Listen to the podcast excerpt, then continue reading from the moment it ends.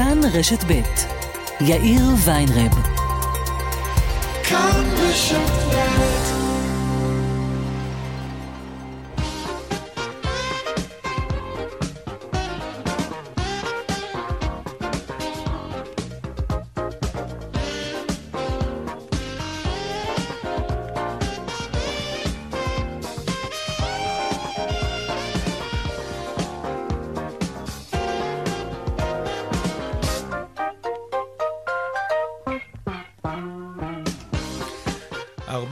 וכמעט אה, שש דקות. כאן צבע הכסף ברשת ב', יום ראשון, שלום רב לכם, שבוע טוב. העורך רונן פולק, בהפקה עמית כהן, טכנאי השידור שלנו היום הוא רוני נאור. הדועל של צבע הכסף הוא כסף, כרוכית כאן.org.il. אני יאיר ויינרב, מעכשיו עד חמש, אנחנו מיד מתחילים.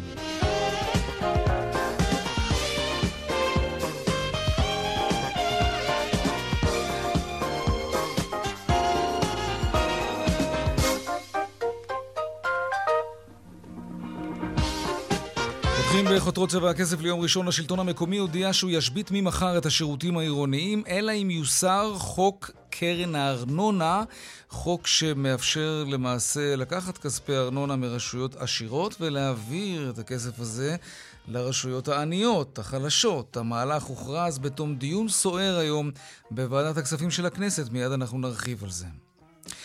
סערת הכספים הקואליציוניים במשרד האוצר מותחים ביקורת חריפה על הגדלת התקציבים של מוסדות החינוך החרדיים ועל חלוקת תלושי מזון במסגרת ההסכמים הקואליציוניים.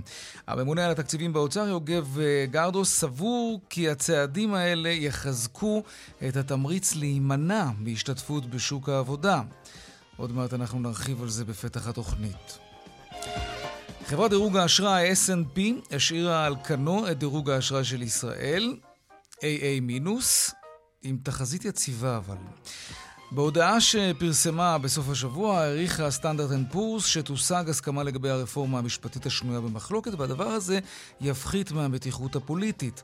החברה צופה שהצמיחה במשק הישראלי תצנח השנה בחמישה אחוזים לעומת אשתקד ותעמוד על אחוז וחצי בלבד.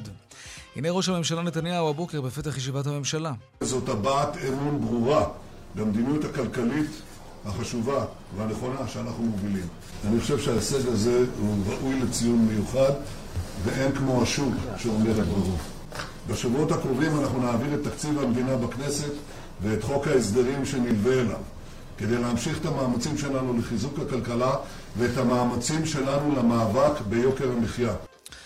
הסכם בין אה, קק"ל לאוצר אחרי שנים של ויכוח לאן ילכו כספי הקרן הקיימת. שר האוצר סמוטריץ' הגיע איתם להסכם, מדובר במיליארדי שקלים. מיכאל שמש, כתבנו הפוליטי, שלום, זה פרסום ראשון שלך.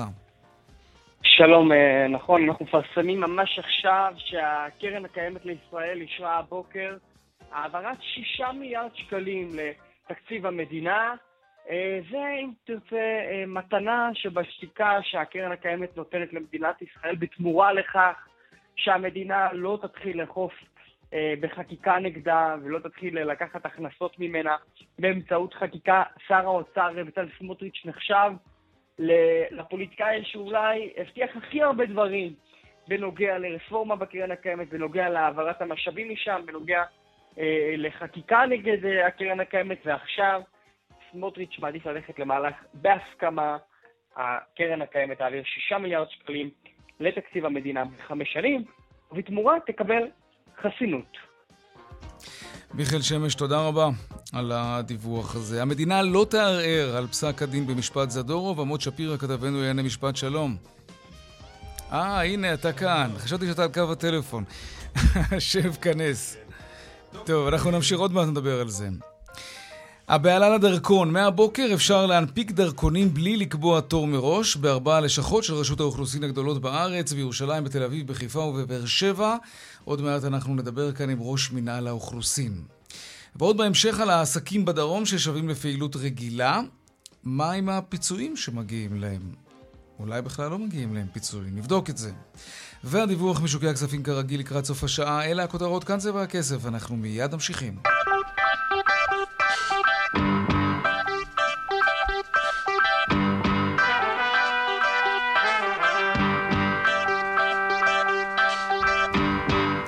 טוב, אז כאמור עשינו ספוילר, המדינה לא תערער על פסק הדין אה, במשפטו החוזר של אה, זדורוב, רומן זדורוב, עמוד שפירא כתבנו לענייני משפט, שלום. שלום, אה, יאיר, כאן אפשר לומר שרומן זדורוב יכול עכשיו לשחרר ככה הנחת רווחה. סופית. 15 שנה, כן. בהחלט הספיק לו, הוא היה 15 שנה במאסר. אנחנו זוכרים לפני 45 ימים שבית המשפט המחוזי בנצרת ברוב דעות בעצם שחרר אותו לחופשי.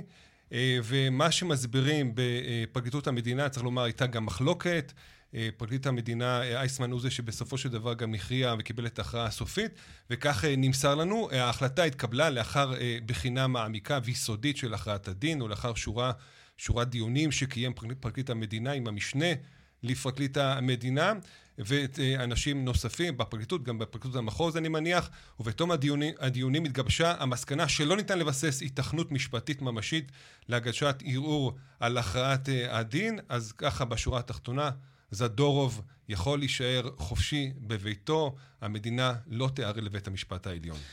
עמוד שפירא, כתבנו לענייני משפט, תודה רבה. כלכלה. אנחנו פותחים עם הכספים הקואליציוניים, סערה גדולה סביב הכספים האלה, שרבים מהם מיועדים למגזר החרדי. הזעם הוא לא בגלל שהם חרדים חלילה, אלא בגלל שמדובר במגזר שהוא לא יצרני. שההשתתפות שלו בשוק העבודה נמוכה מאוד, והכספים האלו עלולים רק לקבע את המצב הזה, שצריך לשנות אותו. שלום צביקה זרחי, הפרשן בכיר כלכליסט. שלום יאיר, צהריים טובים. גם לך. שר האוצר סמוטריץ' אומר שהיקף הכספים הקואליציוניים בתקציב דומה מאוד למה שהיה בממוצע בשנים קודמות. בוא נתחיל עם זה.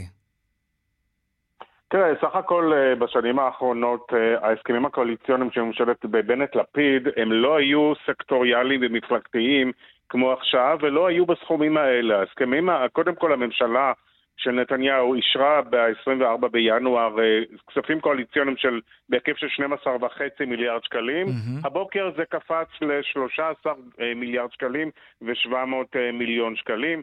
חלק גדול מהכסף הולך לחרדים, להגדלת קצבאות, לאברכים, למעונות, לשכר מורים ועוד.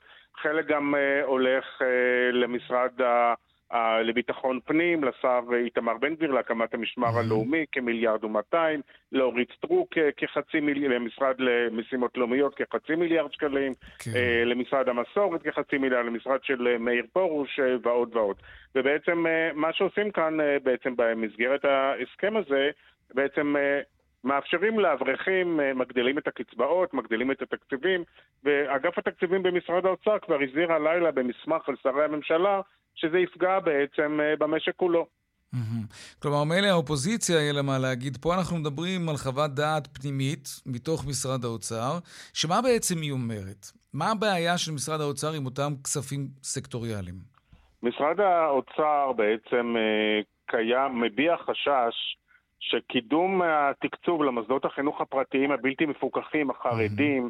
והקמת מנגנון תחליפי לקצבאות דרך חלוקת כרטיסי המזון, כפי שדורש אריה דרעי כמיליארד שקלים בשנ... בשנתיים האלה, לפי זכאות בארנונה או מבחני הכנסה אחרים וגם הגדלת תקציב הישיבות, בעצם ייצרו מערכת תמריצים אה, אנטי-כלכליים שמעודדים יציאה משוק העבודה. או אי שילוב בשוק קוש... העבודה, כן. כן, ו... אין טעם.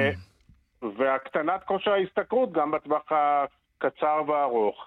והם טוענים שזה יפגע בסופו של דבר, המיסים יעלו ב-16% כתוצאה מאי תעסוקת uh, חרדים, והנזקים יעלו באובדן תוצר בעשורים הקרובים של כ-6.7 מיליארד שקלים, וזה סכום מטורף. אתה יודע, יכול להיות שאולי אנחנו מסתכלים על זה בעיניים אה, חילוניות, וזה, וזה צורם לנו. אבל אתה יודע, שמעתי הרבה מאוד פעמים אנשים... אני חושב שמסתכלים על זה בעיניים מקצועיות, כלכליות. כן, כן, לא, בסדר, אבל אתה יודע, אני מנסה לשקף דברים שאני שומע מחרדים שאני מדבר איתם המון על הנושא הזה.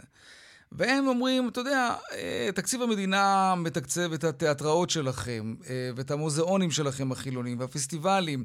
כל העולם התרבותי שלכם מתוקצב, לא כולו כמובן, אבל חלק לא, לא, לא קטן ממנו.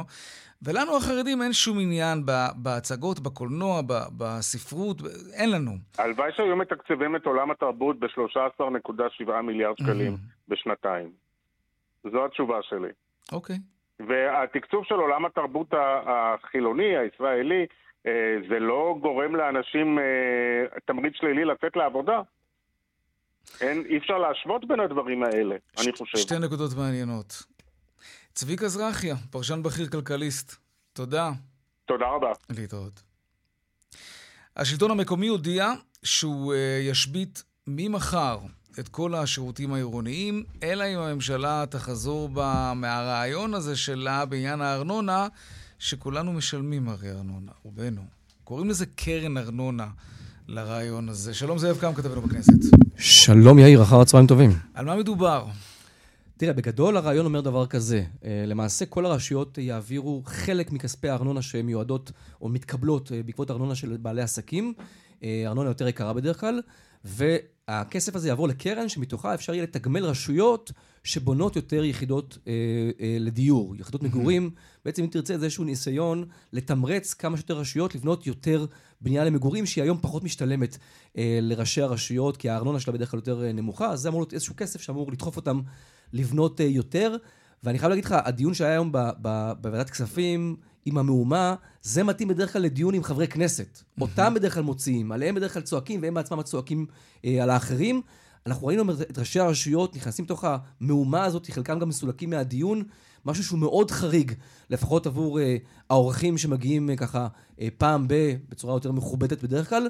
וצריך להגיד עוד דבר, השביתה הזו שעכשיו יש איום לנקוט בה מחר, בקואליציה אה, טוענים שהיא תהיה מחולקת לשניים. אנחנו נראה ראשי רשויות יותר חזקות, יותר אולי מבוססות, שלוקחים חלק בשביתה, ואומרים בקואליציה, הרשויות שאמורות ליהנות מקרן הארנונה, החלשות יותר, הם לא יצטרפו לשביתה. ברור, כי הן אמורות לקבל כסף, על פי השיטה החדשה. אה, הן אמורות להיות יותר מתוגמלות על האירוע הזה, זה נכון. אם הם יבנו יותר. אם הם אכן יבנו יותר, אגב, גם רשויות עשירות יותר, אם יבנו כן. יותר, זה אמור לעזור להם לפחות חלקית מה שלוקחים מהם. בואו נשמע דברים בעיניי מאוד חריגים שאמר היום אה, ראש עיריית הרצליה פדלון, על איך הוא מתכוון להגיב כלפי שר האוצר סמוטריץ' בעקבות רפורמת קרן הארנונה. אני כבר חודש ימים לא נפגש עם יזמים, שלושה בתי מלון על הפרק, חברות הייטק, לא נפגש איתם, אני לא אעבוד. לילות קיימים כדי שהכסף ילך למקום אחר. יש לי בית ספר לילדים בסיכון, 100 ילדים בסיכון, מדינת ישראל לא מכירה בהם, אבל אם אני לא אעשה את זה הם ילכו לבית סוהר בעוד שלוש שנים. יש לי גם תיכון לא, דתי מהשומרון, אותו אני הולך לסגור, שסמוטריץ' יממן את התיכון מהשומרון. 130 ילדים לא. לא ילמדו אצלי, לא ילמדו מר אצלי. פדלון, אני מעריך תראה מה אתם עושים. תראו מה אתם עושים. 130 ילדים כסף מהשומרון, למעונות לא היום השיקומיים, אתם אבל עושים. זה יש. תשמע, לשמוע ראש עיר אומר, אני לא אקבל ילדים מהשומרון אליי לבית הספר בעיר שלי, כדי שסמוטריץ' ייקח אותם אם הוא לא רוצה, אה, מה שנקרא, לעבוד ביחד, זה איום בעיניי לא לגיטימי על גבם של הילדים שלא קשורים לסיפור קרן הארנונה. ורק נגיד, עוד היום אמור להיערך מרתון ההצבעות בוועדה.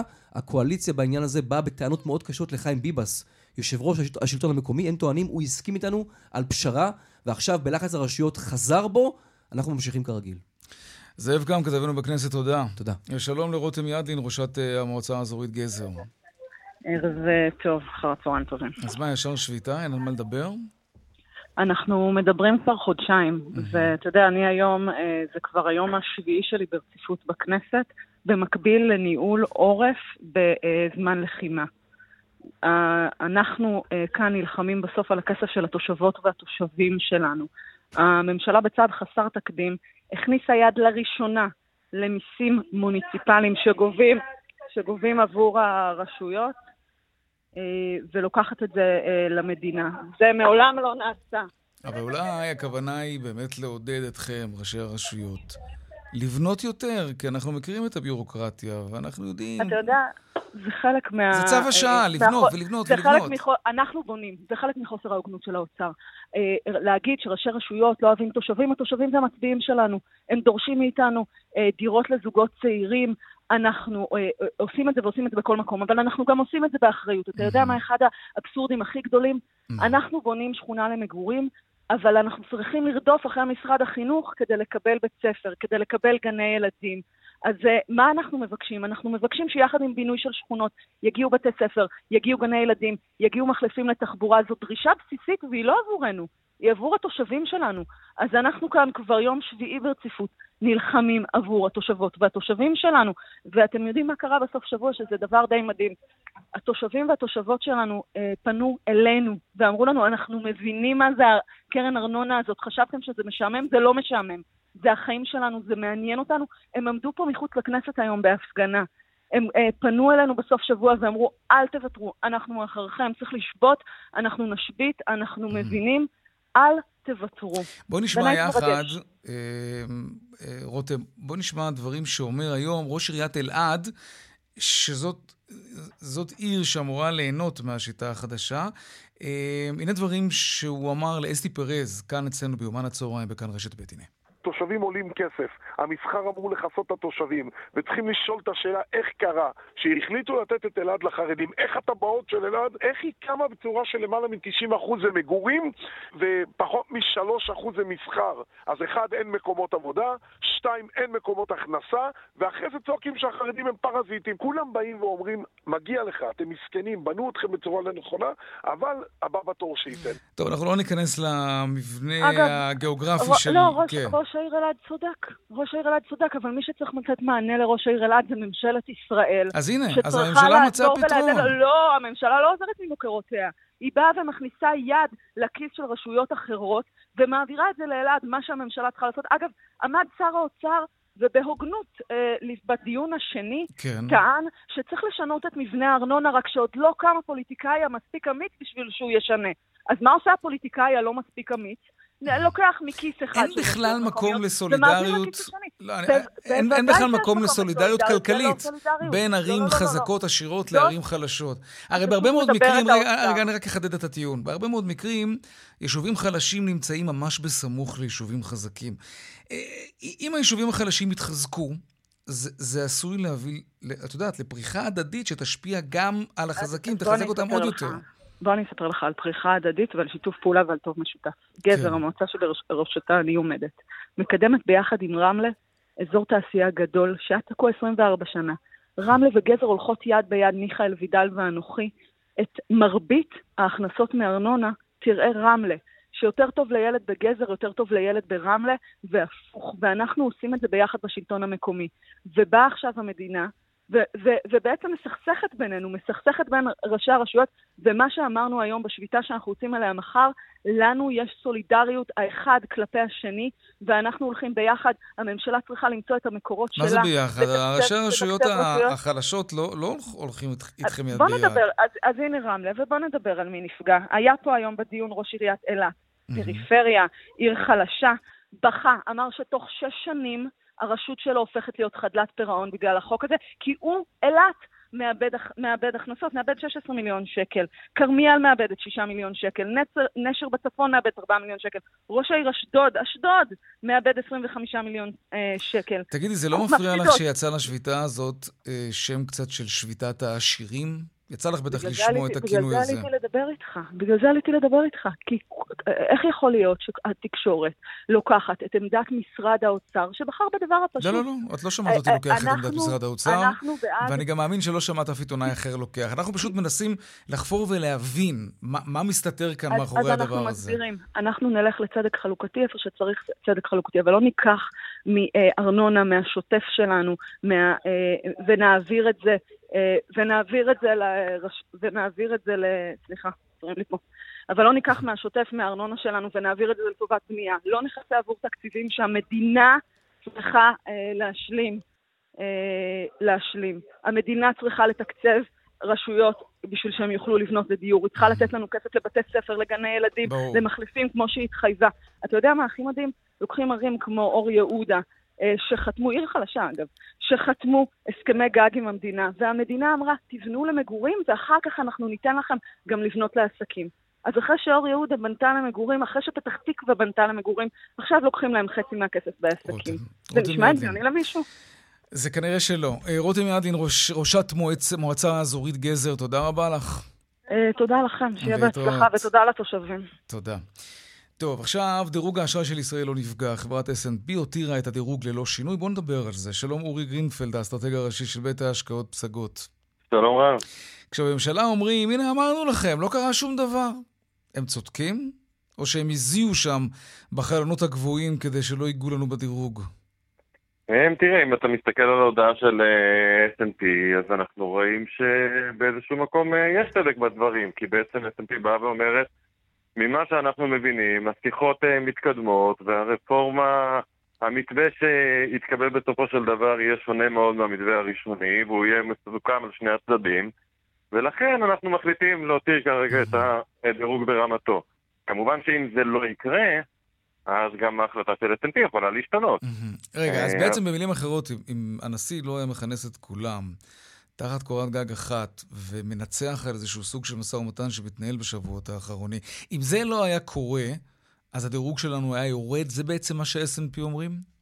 לא הדירוג היה יורד, אופק הדירוג היה יורד, אבל זה אפילו יותר מכך, זה יותר מהכינוס. בהודעה ממש באים ואומרים, מההתבטאויות האחרונות של חברי הקואליציה, אנחנו מבינים שהולכים למתווה שמקובל על שני הצדדים. זאת אומרת, זה לא אפילו ההתכנסות, אלא השאיפה להגיע למתווה וההתבטאויות של חברי הקואליציה, וכך שזהו, ירדנו מהעץ ואנחנו מתחילים לדבר. אה, וזה מה ששינה בעצם את הדברים. צריך להגיד פה עוד משהו, שגם בעיניים של S&P, תראה, כשמודי'ס הוריד לנו את אופק הדירוג לפני אה, חודש פחות או יותר, כן. אה, במודי'ס האופק שלנו היה מלכתחילה מה שנקרא אופק חיובי, והוא הופחת לאופק יציב, שזה אומר כרגע אנחנו לא משנים שום דבר. בחברת S&P ישראל מדורגת ברמת דירוג גבוהה יותר, אבל האופק מלכתחילה היה יציב. זאת אומרת שאם S&P היו מחליטים להוריד את האופק, הם היו צריכים להוריד אותו לאופק שנקרא שלילי, שבהגדרה זה אומר שתוך שנה כנראה מורידים לנו דירוג. הם כנראה גם באיזשהו מקום לא רצו להיכנס. לשם, כי אה, על סמך דיונים אתה, אתה לא רוצה להתחייב לעשות איזה משהו, זה גם יכול לפגוע בקרדיביליות של חברת הדירוג. כן. הם אומרים שכנראה ירד דירוג, ואז פתאום הכל משתנה. אז אני חושב שההחלטה להשאיר את הדברים כרגע כפי שהם, בהינתן שיש שיחות, בהינתן ששואפים לאיזשהו מתווה, זו החלטה אה, שהיא נכונה סך הכל. אוקיי. מה אה, יש שם וכעת עוד בדוח שלהם? מה הם עוד כותבים? כמובן שהסיפור של הדירוג הוא הסיפור החשוב. עוד בדוח יש את הניתוח המלא, הניתוח שיוצא אה, כל שנה. אה, בניתוח הזה. תחזית הצמיחה שלהם, אני רואה שהם חתכו תחזית אותה. הצמיחה ירדה כן. לאחוז וחצי השנה. אה, צריך להגיד שזו תחזית באמת אה, נמוכה, אה, זה- זה- אבל פה צופים קצת לצמיחה טיפה יותר גבוהה, לא? שאני טועה. כן, זהו שרציתי להגיד, צריך לזכור גם, חברות הדירוג זה לא שהיכולת חיזוי שלהם יותר טובה משל אחרים, זו אומנם תחזית נמוכה, הכי נמוכה אני חושב שיש כרגע מבין החזאים השונים. אני חושב שרוב הקונצנזוס היום הוא שנראה צמיחה של סביב ה-2% השנה, זה עדיין לא צמיחה גבוהה, זה עדיין האטה, כל סקטור הטכנולוגיה בהאטה, זה עדיין מנוע צמיחה של ישראל, אבל זה לא נורא כל כך. מה שכן, באים S&P ואומרים שהגירעון של הממשלה בשנת 2023 תהיה כנראה 2.5 אחוזים מהתוצר, לא אחוז כמו שבהתחלה דיברו, שזה משמעותית יותר גדול, זה פי 2.5 בעצם אה, בגודל של הגירעון, וזה נשמע מאוד מאוד סביר, לאור התקציב שהולך ומתממש, סביר להניח שאנחנו נסיים את השנה בגירעון של בערך 2-2.5 אחוזים, וב-2024 אפילו משמעותית יותר גבוה, יותר. נראה לכיוון של 3-3.5 אחוזי גירעון, וזה הולך להיות הגירעון הבסיסי של המדינה. אוקיי, בוא נחזור רגע אחורה לצמיחה. צמיחה של אחוז וחצי, גם אם זה יהיה טיפה יותר, זה 4-5 אחוזים פחות ממה שהיה בשנה שעברה. זה, זה לא משהו שמייחד אותנו, נכון? כלומר, אנחנו רואים את ההאטה הזאת בכל העולם. כן, לא רק שזה לא מייחד אותנו, צריך להגיד שגם פה אנחנו מצבנו עוד טוב יחסית. ארה"ב ואירופה כנראה השנה יהיו במיתון, זאת אומרת הצמיחה בכלל תהיה שלילית. כן. אה, כן, כן. טוב, זה מה אה, שצפה הבנק העולמי לפני איזה חצי שנה, הוא אמר ש-2023... בדיוק, בכל העולם כן. הריבית עלתה מאוד. בכל העולם האינפלציה הייתה מאוד גבוהה, מה שפגע באזרחים. הרי היכולת קנייה שלנו נפגעה, המחירים עולים ועולים. אז אם בארץ הייתה אינפלציה בשיא, הגיעה לכמעט חמישה וחצי אחוזים, בארצות הברית ואירופה אנחנו מדברים על אינפלציה של כמעט עשרה אחוזים. חלק מאירופה כן. אפילו יותר מזה. אז הפגיעה בצרכן האמריקאי ובצרכן האירופי הייתה עוד יותר חריפה. יותר קשה. אבל איך זה שאצלנו, אתה אומר כוח הקנייה, אתה מסתכל על הנתונים של חברת שווה, ואתה רואה שאנחנו מגהצים כתמול שלשום. לא... וגם אם יש שינויים לא דרמטיים. אה, בוא נזכור שאנחנו מגהצים במחירים החדשים. זאת אומרת, גם אם קנינו קצת פחות במחיר יותר יקר, כן. אז סך הכל הוצאנו יותר כסף. סך הכל, ההכנסה, אבל קנינו פחות. בדיוק, ההכנסה של משקי בית אולי עלתה, אבל היא מאפשרת לנו לקנות פחות בגלל עליית המחירים. אוקיי. טוב, ומתי זה אמור להתהפך, אגב? אה, אני חושב שאנחנו נראה את לב של האטה, נעלמת כן. לרגע, כן. אני חושב שאנחנו נרגיש את ההאטה הזו בעיקר במחצית השנייה של השנה, בעיקר רבעון שלישי לתוך הרביעי, אנחנו נראה באמת אה, קצת יותר קשה בפעילות הכלכלית, אולי נראה גם עלייה מסוימת באבטלה, ואני חושב שבתחילת 24 כבר נתחיל לראות את הריבית יורדת חזרה, בנק ישראל לאט לאט יוריד את הריבית, אה, וזה יתחיל להקל. הוא יוריד אה, את על הריבית, או שהוא כן. יעצור את העלאות הריבית? לעצור, אני חושב שאנחנו נראה את העצירה כבר תוך אה, חודשיים שלושה. אה, ובתחילת וזה כשזה 24 אפילו... ירד, אנחנו הרי לא רוצים שזה ירד יותר מדי, כי זה מה שעושים בדרך כלל דווקא בתקופה משברית, כדי להכניס חמצן לשווקים. אז זה זה לא יחזור לרמות האפסיות שזה היה, נכון? לא, קשה לי להאמין, קשה לי להאמין, במיוחד אחרי הטראומה של השנה וחצי האחרונות, הבנקים המרכזיים אולי מבינים יותר טוב שריבית אפסית, בטח כשהיא אפסית למשך הרבה זמן, אה, זה מייצר המון בועות, זה מייצר המון בנדל"ן. אה, כסף זול מדי, בנדל"ן, בטכנולוגיה ראינו, בשוק ההון בכלל, אה, וכשהכסף זול מדי זה מייצר עיוותים. אז אני חושב שגם כשנראה את הריבית יורדת, במהלך 2024 היא תרד לאזור של אה, וחצי, שלושה אחוזים, לא פחות מזה. אבל זה בהחלט יקל על משקי הבית, בטח על מי שיש לו משכנתה, ופתאום ישתחרר לו עוד כמה מאות שקלים לצריכה, ו- ואולי לאט לאט הכלכלה תחזור לעצמה. אורי גרינפלד, האסטרטג הראשי של בית ההשקעות פסגות, תודה רבה. תודה רבה. להתראות. דיווחי תנועה עכשיו. טוב, אז ככה, באיילון צפונה יש עומס ממחלף חולון עד uh, גלילות, ודרומה מרוקח עד לגוארדיה. בדרך החוף צפונה עמוס מגעש עד מחלף נתניה. עדכוני תנועה נוספים בכאן מוקד התנועה, כוכבי 9550 זה הטלמסר שלנו, אבל לא רק שם, גם באתר של כאן וביישומון של כאן פרסומות, ומיד אנחנו חוזרים עם עוד צבע הכסף. נדבר על הבהלה לדרכון. שלוש לשכות ברחבי הארץ, ארבע אפילו, שאפשר להגיע לשם ולנסות להנפיק דרכון בלי לקבוע תור מראש. מיד חוזרים. כאן צבע הכסף, 4 ועוד 36 דקות. מחדל הדר, הדרכונים עכשיו בארבע לשכות של רשות האוכלוסין הגדולות בארץ, ירושלים, תל אביב, באר שבע, חיפה. ניתן מהיום בבוקר שירות להנפקת דרכונים ללא צורך לקבוע תור מראש. בחלק מהמקומות, אה, אולי בעצם בכולה, בכולם, היו, היו תורים מטורפים. שלום יואל ליפוביצקי, ראש מנהל האוכלוסין, רשות האוכלוסין וההגירה, שלום לך. שלום וברכה, שלום לכל המאזינים. איך היה היום? טוב, היום היה היום הראשון בעצם של הפרויקט ששר הפנים משה ארבל אה, החליט עליו. פתחנו, כפי שאמרת, ארבע לשכות המרכזיות שלנו, הגדולות, חיפה, ירושלים, באר שבע ותל אביב. עד uh, עכשיו שורתו מעל 3,500 אזרחים uh, מהבוקר שקיבלו שירותים לדרכונים. Uh, יום מאתגר, היום הראשון, יום עם המון המון תפוקות, שכמובן עוד לא הסתיים. אנחנו נמשיך וניתן שירות עד uh, כל מי שיגיע תשע בערב, uh, ונמשיך לתת תשע, נסגור את הדלתות, ונעבוד עד 11 כדי לסיים את כל מי שנכנס. אה, אנחנו מאוד מקווים שבחודש הזה אה, תינתן האפשרות להמון המון אזרחים שהמתינו כמה חודשים בתור עד היום, אה, להגיע ללא תור. נכון שיש המתנה, אנחנו אה, פרסמנו וביקשנו מכולם להתאזר בסבלנות, אז רגע, אבל רגע, לפחות אם- באותו היום יקבלו את השירות. אם- בוא נשמע איך זה נשמע היום. שמחתי על המבצע הזה, ואמרתי ש- שאני לא אקבע תור, כדי שבאמת אני אעשה את התור הזה בלי תור. ואני מחכה פה המון המון המון זמן, שזה, שזה די מבאס, אבל בסדר. רוצים לטוס, אז אה, עושים את זה. בקור אנשים עומדים ואין כיסאות לשבת וזה מסכנים, אישה בהיריון עם ילדים קטנים, כולם עומדים. בפנים מפוצץ, וזה לחכות לפחות עוד איזה שלוש שעות. אני בעד התייעלות, אני חושב שזה כאילו, זה סוג של פלסטר. אם uh, מלכתחילה ההתנהלות הייתה תקינה, אז היו מבינים שיש צורך בדבר הזה, ולא עושים מין uh, בליץ כזה. טוב, זה רק היום הראשון, אבל אני מניח שיש גם לקחים שהפקתם היום. אז אה, שוב, זה היה ברור שהביקוש אה, מאוד גבוה, ומן הסתם בגלל זה יצאנו לפרויקט הזה.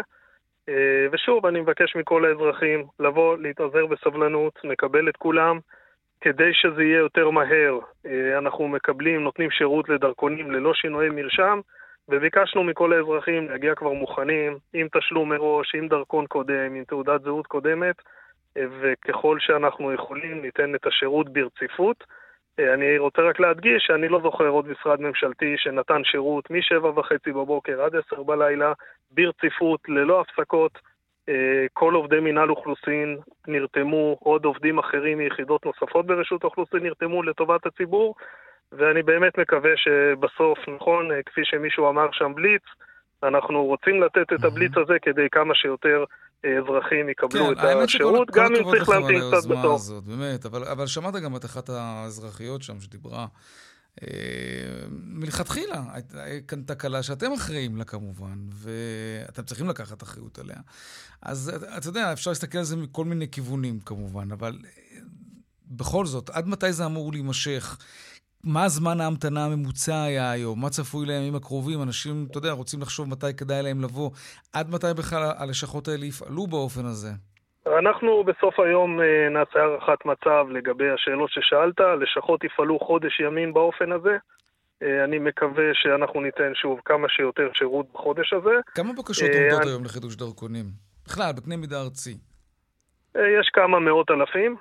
שממתינים, חלק מהם קבעו, הרבה מהם קבעו תורים אה, ויבואו בתורים שלהם. אנחנו קוראים באמת לציבור, מי שטס בקיץ, אה, תחילת החגים, שאלו אנשים שיגיעו, מי שיש להם עדיין תוקף אה, לתקופה ארוכה יותר וממושכת יותר, אין צורך שיגיעו וימתינו.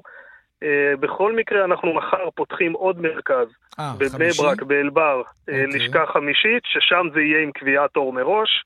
גם נעבוד ברציפות מ-8 בבוקר עד 10 בערב. איך קובעים אה, תור מראש בבני ברק?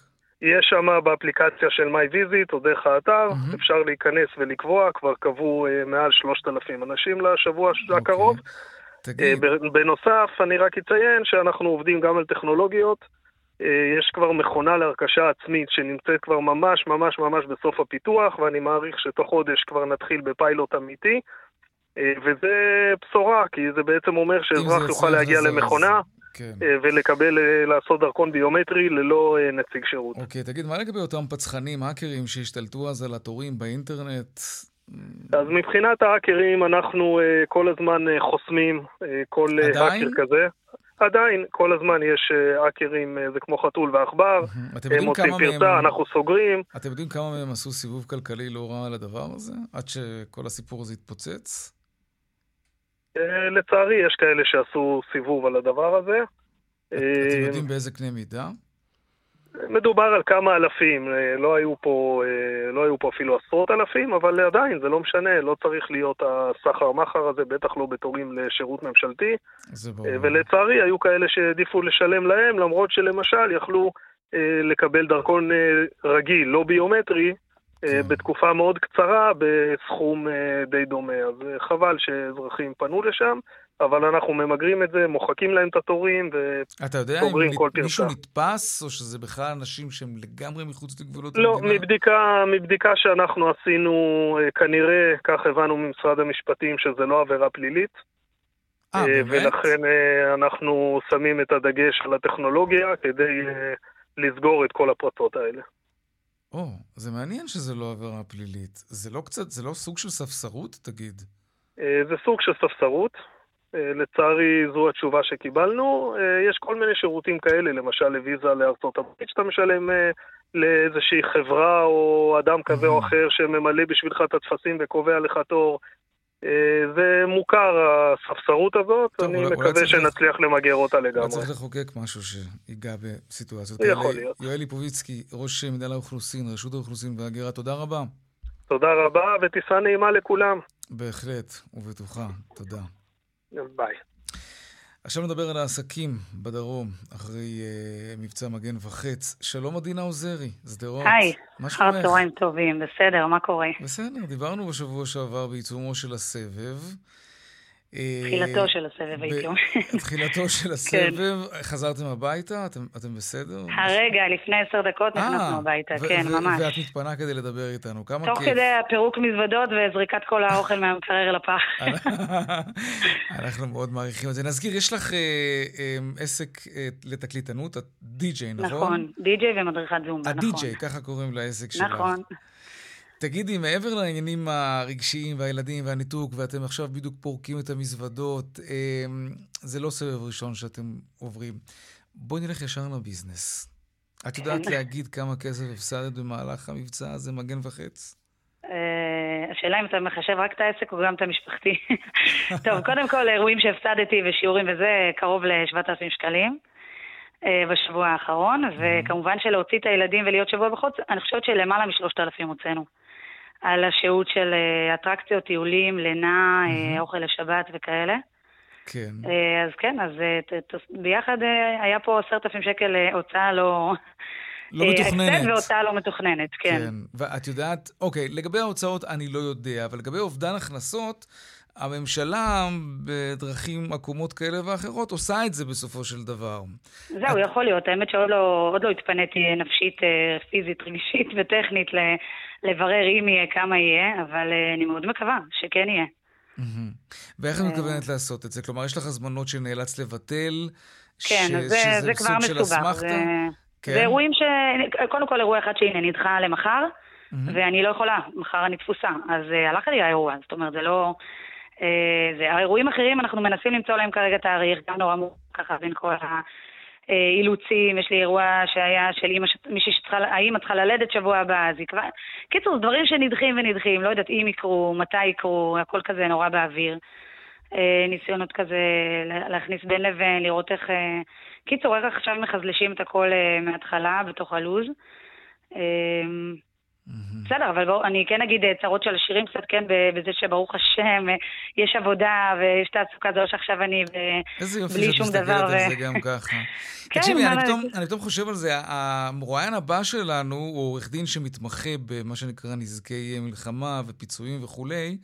אני תוהה, אולי אה, עמית, אנחנו יכולים להעלות את עורך הדין אה, יואב ביין עכשיו על הקו? כן? שלום לעורך הדין יואב ביין, מומחה לנזקי מלחמה, מס רכוש וקרן פיצויים, שלום.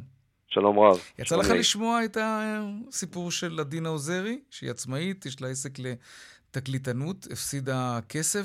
היא, היא זכאית לפיצוי כלשהו? השאלה קודם כל צריכה להישאל מאיפה, מאיפה, מאיפה היא גרה. משדרות. אה, אז כך, באזור 0 אה, עד 7 קילומטר, כולל העיר שדרות, יש בשגרה את הזכות לעסקים לתבוע על הנזק הממשי שנגרם להם. מה זה נזק ממשי? עדינה, את סיפרת לנו על הזמנות שהיו לך ונאלצת כן, לבטל כן, אותן. כן, כן, אני גם נזק... תוהה, איך, איך אתה מוכיח שהיו הזמנות, ש, שהיו אמורים להיות אירועים? האם למי אני כאילו... קודם, אני... כל, קודם כל, השאלה היא... אה, איזה סוג של נזק ניתן לקבל. נזק ממשי זה אומר אה, למעשה אה, כל, כל סוג של נזק שנגרם, שאפשר להוכיח אותו, אתה זכאי לקבל. אתה מדבר על נזק להוכיח... פיזי, על רסיסים, על חלילה... לא, זה לא, זה, זה לא, לא נזק נ... הפיזי. נזק הכנסתי. זה נזק כלכלי, כן. זה, זה, זה, ו, וזה הנזק הממשי המלא. זאת אומרת, אם יש אובדן עסקה, אז זה חלק מהנזק הממשי. אגב, למישהו אה, בין 7 ל-40 קילומטר אין את הזכות הזאת לתבוע על נזק ממשי, אלא יש לו, אה, רק אם ייקבע מסלול ירוק, אה. את האפשרות לתבוע או על... אז רגע, תכף נדבר על זה. בואו ננסה רגע כן. לעזור לעדינה. מה אתה היית עושה במקומה? היו לה נגיד שלוש מסיבות שהייתה אמורה לתקלט שם. היא אומרת שהיא מעריכה, בכמה הערכת את הנזק? סביב 7,000. סביב 7,000 שקל. אז היא צריכה, היא צריכה לרכז את כל הנתונים על, על אותם אה, אירועים. הזמנות שהיו. כן, כן ולהראות את כל ההוכחות שמראות למי? שהיו. למי מראים את זה? אה, מכינים הם בעצם תביעה ומגישים אותה לרשות המיסים, לקרן, אה, לקרן הפיצויים של מס, קרן הפיצויים של רשות המיסים. תביעה עם כל, עם כל האסמכתאות שמראות ש, ש, על הנזק, לראות, להראות א', את הנזק עצמו. בתאריך זה וזה הייתי אמורה לתקלט בחתונה, פה במסיבה, אה? כן.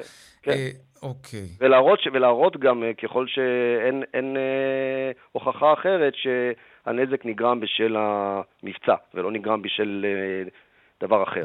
תגיד, ולגבי הוצאות שהיו לה במשך כמה ימים, כי הם התרחקו מאזור הלחימה, טוב, זה כל תושבי שדרות. נראה לי כן. שאין אה, שדרות אה, בעוטף. אה, על זה המדינה אבל בטח לא מפצה.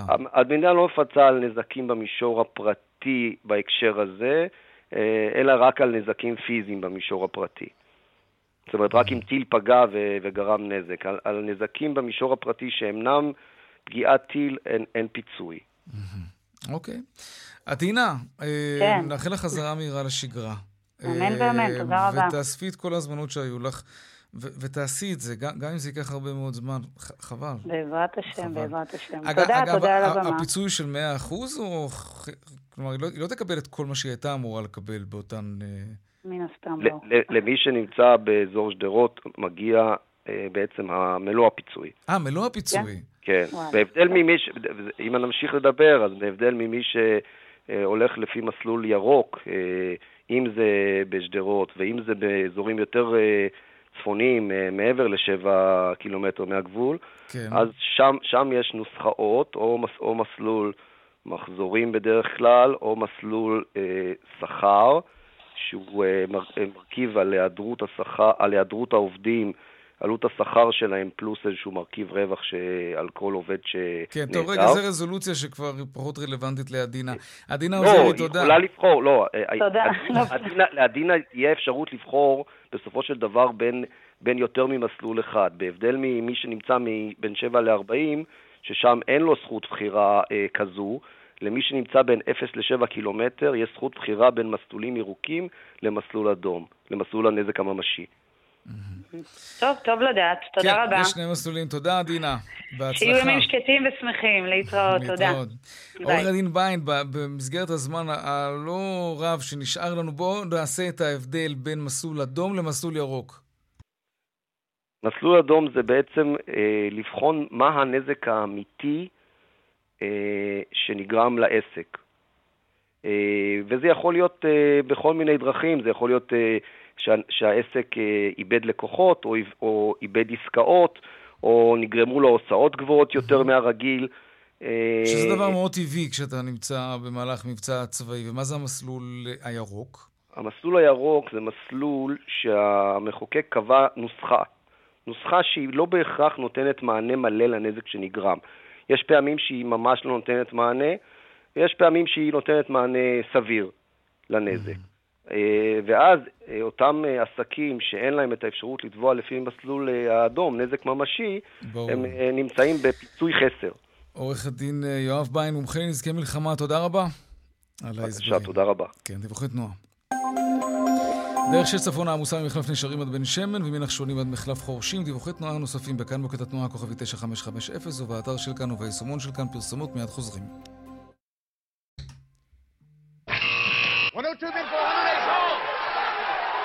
200, take them.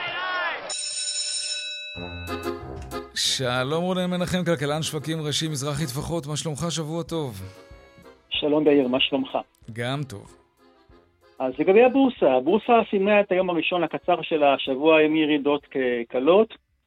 זאת על רקע הדוח של סטנדרט פורס שלא שינה את דירוג החוב של מדינת ישראל וההודעה על סיום מבצע מגן וחץ. בסופו של יום תל אביב 35 ירד כארבע עשיריות ותל אביב 90 ירד כשש עשיריות. מניות אה, הבנקים הוליכו את הירידות אה, היום עם ירידה של אחוז אחד וארבע עשיריות. מנגד מניות חברות הבנייה עלו באחוז אחד ועשירית, ומניות הנדל"ן טיפסו בארבע עשיריות. גם שוק האג"ח היום נסחר במגמה שלילית אה, קלה, טלבון שקלי וטלבון צמוד איבדו כל אחד כשלוש מאיות האחוז, וזאת לקראת מדד אפריל שיפורסם מחר בערב, ולפי הצפי עלה בכארבע עשיריות אה, האחוז.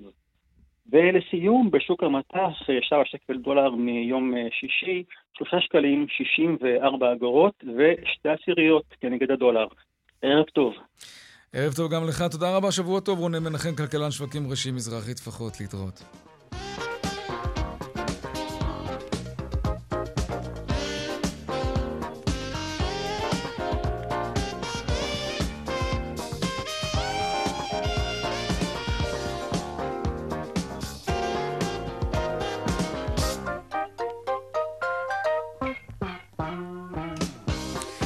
עד כאן צבע הכסף ליום ראשון, העורך רונן פולק בהפקה עמית כהן, טכנאי השידור רוני נאור, במוקד התנועה אהוד כהן בופון. הדואל שלנו כסף, כרוכית, כאן.org.il. אני יאיר ויינרב, את כל הכתבות והמשדרים שלנו והתוכניות שלנו אפשר למצוא ביישומון כאן בוקס לטלוויזיות חכמות, גם אה, בעמוד היוטיוב של כאן חדשות וביישומון של כאן. הכל, טלוויזיה, הכל שם.